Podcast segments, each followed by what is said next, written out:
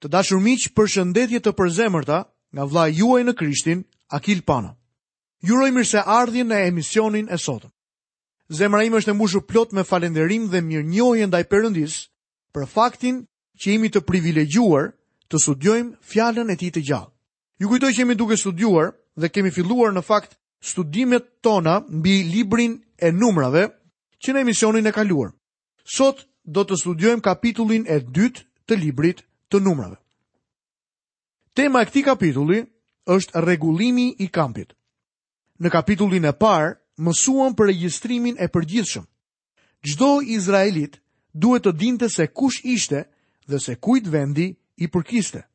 Gjatë gjithë viteve në shkretëtirë, pozicioni i kampit dhe rregulli i marshimit të tyre ishte saktësisht sipas drejtimit të Zotit. Na tregohet se Izraelitët vunë flamuj mbi kampin e tyre. Çfarë ndodhej në këta flamuj?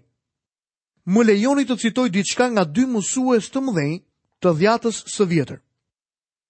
Nga komentari i tyre mbi 5 librat e Moisiut në volumin e 3, gjejmë këtë informacion. As ligji i Moisiut dhe as Testamenti i Vjetër nuk na jep asnjë aludim në lidhje me formën apo karakterin e këtyre flamujve. Sipas traditës hebreje, flamuri i judës mbarte figurën e një luani, flamuri i rubenit pamjen e një njeriu, ai i efraimit figurën e një kau dhe ai i danit figurën e një shqiponje. Kështu që të katër këto krijesa të bashkuara në formën e kerubinëve, të përshkruara nga Ezekieli, u paraqitën mbi këta katër flamuj.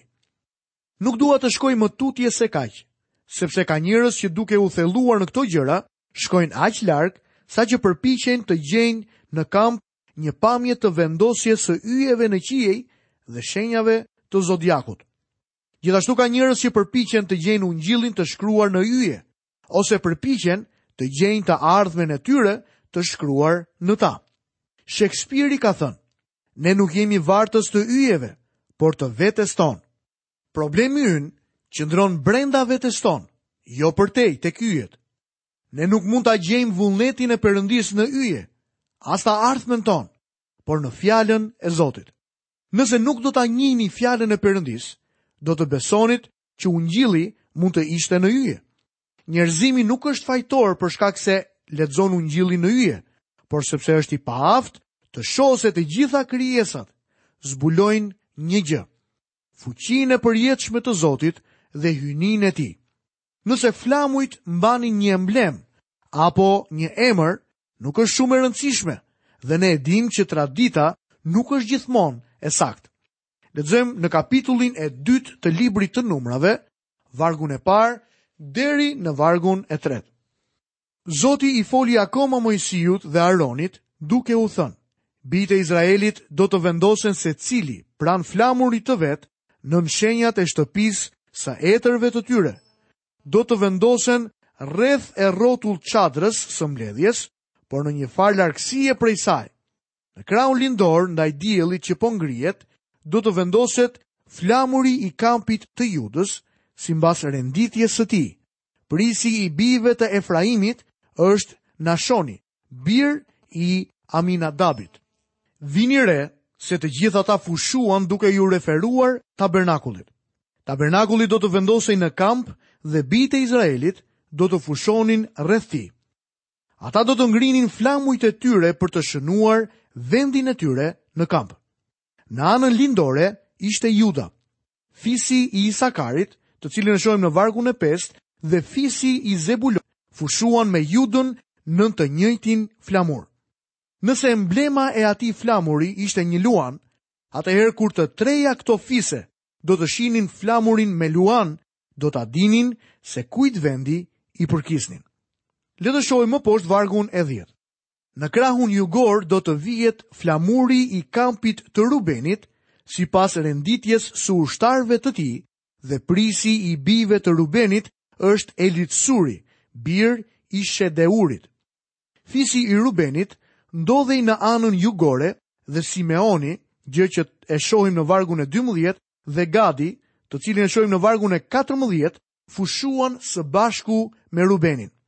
Le të vështrojmë poshtë vargun e 18. Në krahun perëndimor do të jetë flamuri i kampit të Efraimit, simbas renditjes së tij.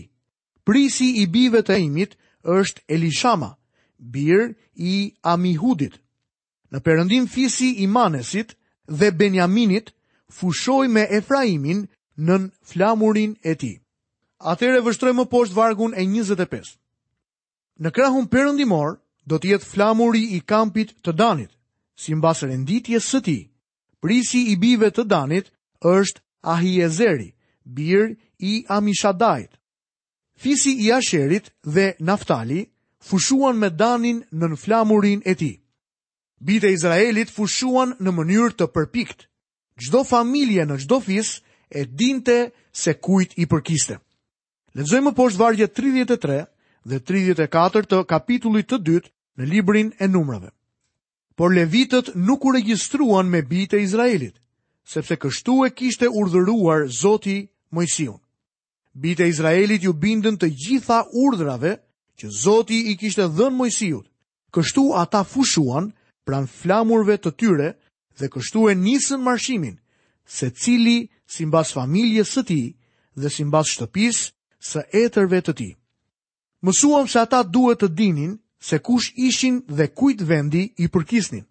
Ata duhet të dinin origjinën e tyre për të ditur vendin e tyre në kamp. Ata nuk mund të shkonin shumë larg pa qenë të sigurt për vendodhjen e tyre. Po kështu, betejat e të krishterëve nuk bëhen në fushën e dyshimeve dhe frikrave, por në dritën e qartë të shpëtimit i cili është i sigurt. Armiqtë tanë sot janë bota apo dëshirat e kësaj bote, miku im, ata do të të mundin nëse nuk je i sigurt për shpëtimin tënd. Çdo person në kishën e Zotit Jezu Krisht ka një vend të vajosur nga Perëndia. E gjithë shërbesa në kishë duhet të drejtohet nga Shpirti i Shenjtë.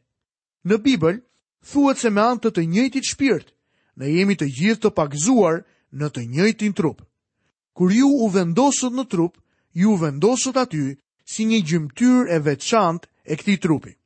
Le të shohim se çfarë apostulli Pal na tregon në letrën e parë drejtuar Korintasve, kapitulli 12 dhe lexojmë nga vargu 12 deri në vargun 14. Sepse ashtu siç trupi është një, por ka shumë gjymtyrë, dhe të gjitha gjymtyrët e të njëjtit trup, megjithëse janë shumë, formojnë një trup të vetëm. Kështu është edhe Krishti.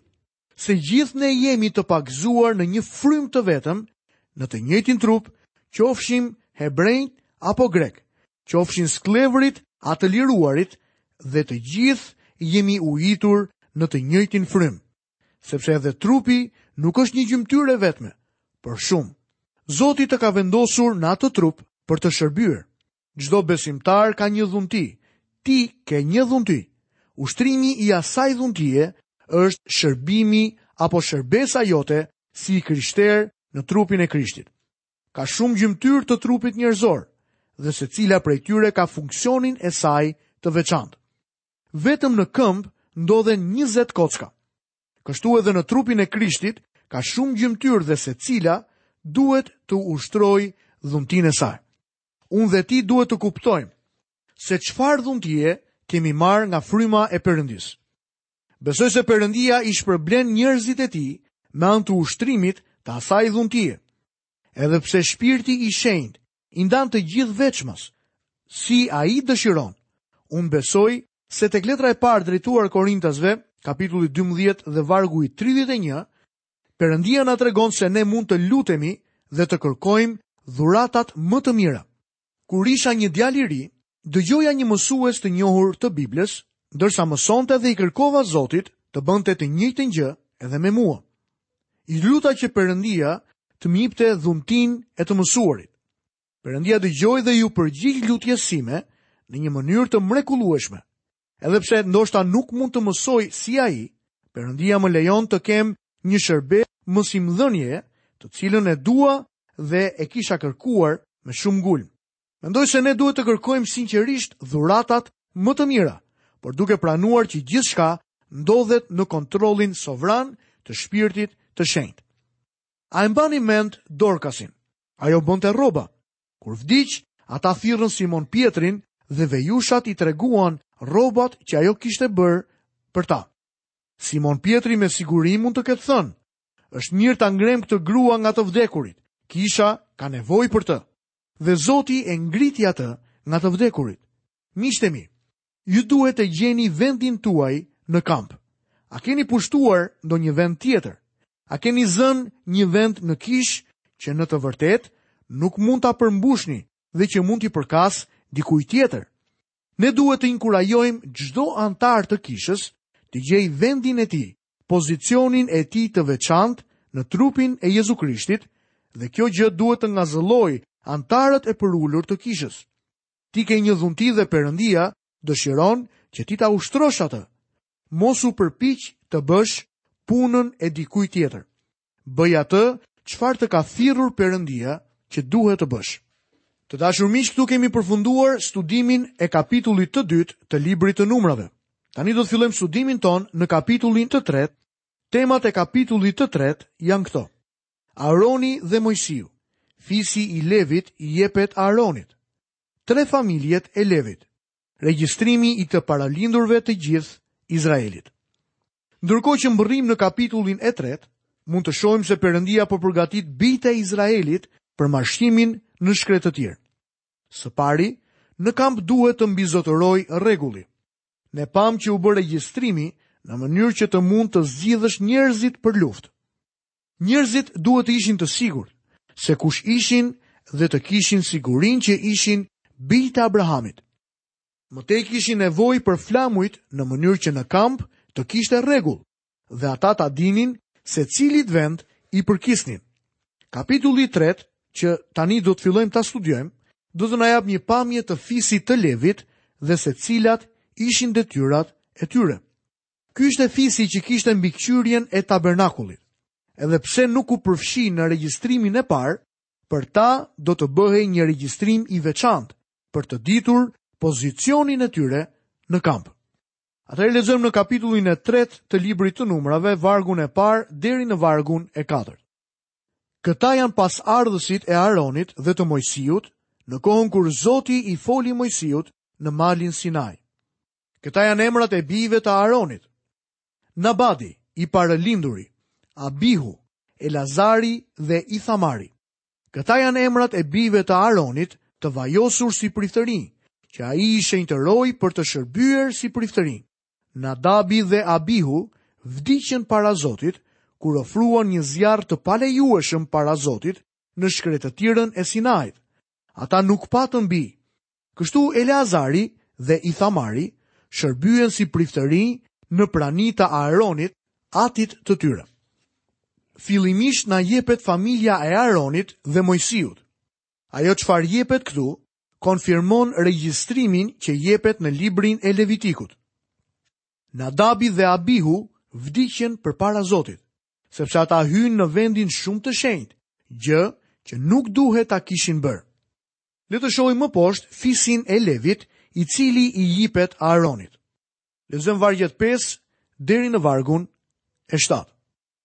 Pastaj Zoti i foli Moisiut duke i thënë: Afro fisin e levitëve dhe paraqite përpara priftit Aaron, që të vihet në shërbim të tij. Ata do të zbatojnë të gjitha udhëzimet e tij dhe do të kryejnë të gjitha detyrat që lidhen me tërë asamblenë para çadrës së mbledhjes, duke kryer shërbimin e tabernakullit. Fisi i Levit iu dha priftit Aaron për ta ndihmuar. Unë dhe ti në kishë si besimtarë jemi priftëria e besimtarëve. Si të tillë, ne i jemi dhënë kryepriftit tonë më të lartë. Dëgjoni Zotin Jezus në lutjen e tij kryepriftërore. Tek Ungjilli sipas Gjonit, kapitulli 17 dhe vargu i 6, gjejmë të dokumentuara këto fjalë. Unë ia kam dëftuar emrin tënd, njerëzve që ti m'i ke dhënë nga bota. Ishin të tutë dhe ti m'i ke dhënë, dhe ata e kanë zbatuar fjalën tënde. Besimtarët që janë thirrur bashkë në kishë i janë dhënë Zotit Jezu Krisht. I gjithë ky kapitull regjistron lutjen e tij të mrekullueshme për ne. Ne i jemi dhënë birit të Perëndisë si një dhuratë dashurie nga ati. Disa nga ne mund të mendojnë që ai nuk ka ndonjë gjë të madhe. Ne duhet të kuptojmë se nuk është e rëndësishme ajo çfarë jemi tani, por ajo që ai do të bëjë prej nesh. Dhënia e levitëve Aaronit përmendet sërish. Lexojmë vargun e nëntë. Levitët do t'ua japësh Aaronit dhe bijve të tij. Ata duhet t'u jepen plotësisht nga gjiri i bijve të Izraelit. Tani na deklarohet dhe arsyeja. Lexojmë vargjet 12 dhe 13. Ja, unë i mora levitët nga gjiri i bijve të Izraelit, në vend të çdo të paralinduri që çel barkun e nënës midis bijve të Izraelit. Prandaj levitët do të jenë të mitë, Sepse çdo i paralindur është i imi. Ditën që godita të gjithë të paralindurit në vendin e Egjiptit, unë ia shenjtërova vetvetes. Të gjithë të paralindurit në Izrael, qoftë të njerëzve, qoftë të kafshëve, ata do të jenë të mitë. Unë jam Zoti. Kjo ishte mënyra e caktuar nga Zoti. Mendoj që Perëndia po i kërkon ende sot çdo familjeje që t'i japë jo vetëm zotërimet e veta, por edhe zemrën.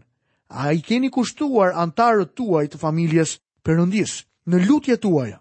A i keni drejtuar ata tek Perëndia? Aftësia për të qenë gati t'ia japësh njerëzit e tu Zotit në lutje është një gjë e mrekullueshme. Të paralindurit i përkasin Zotit.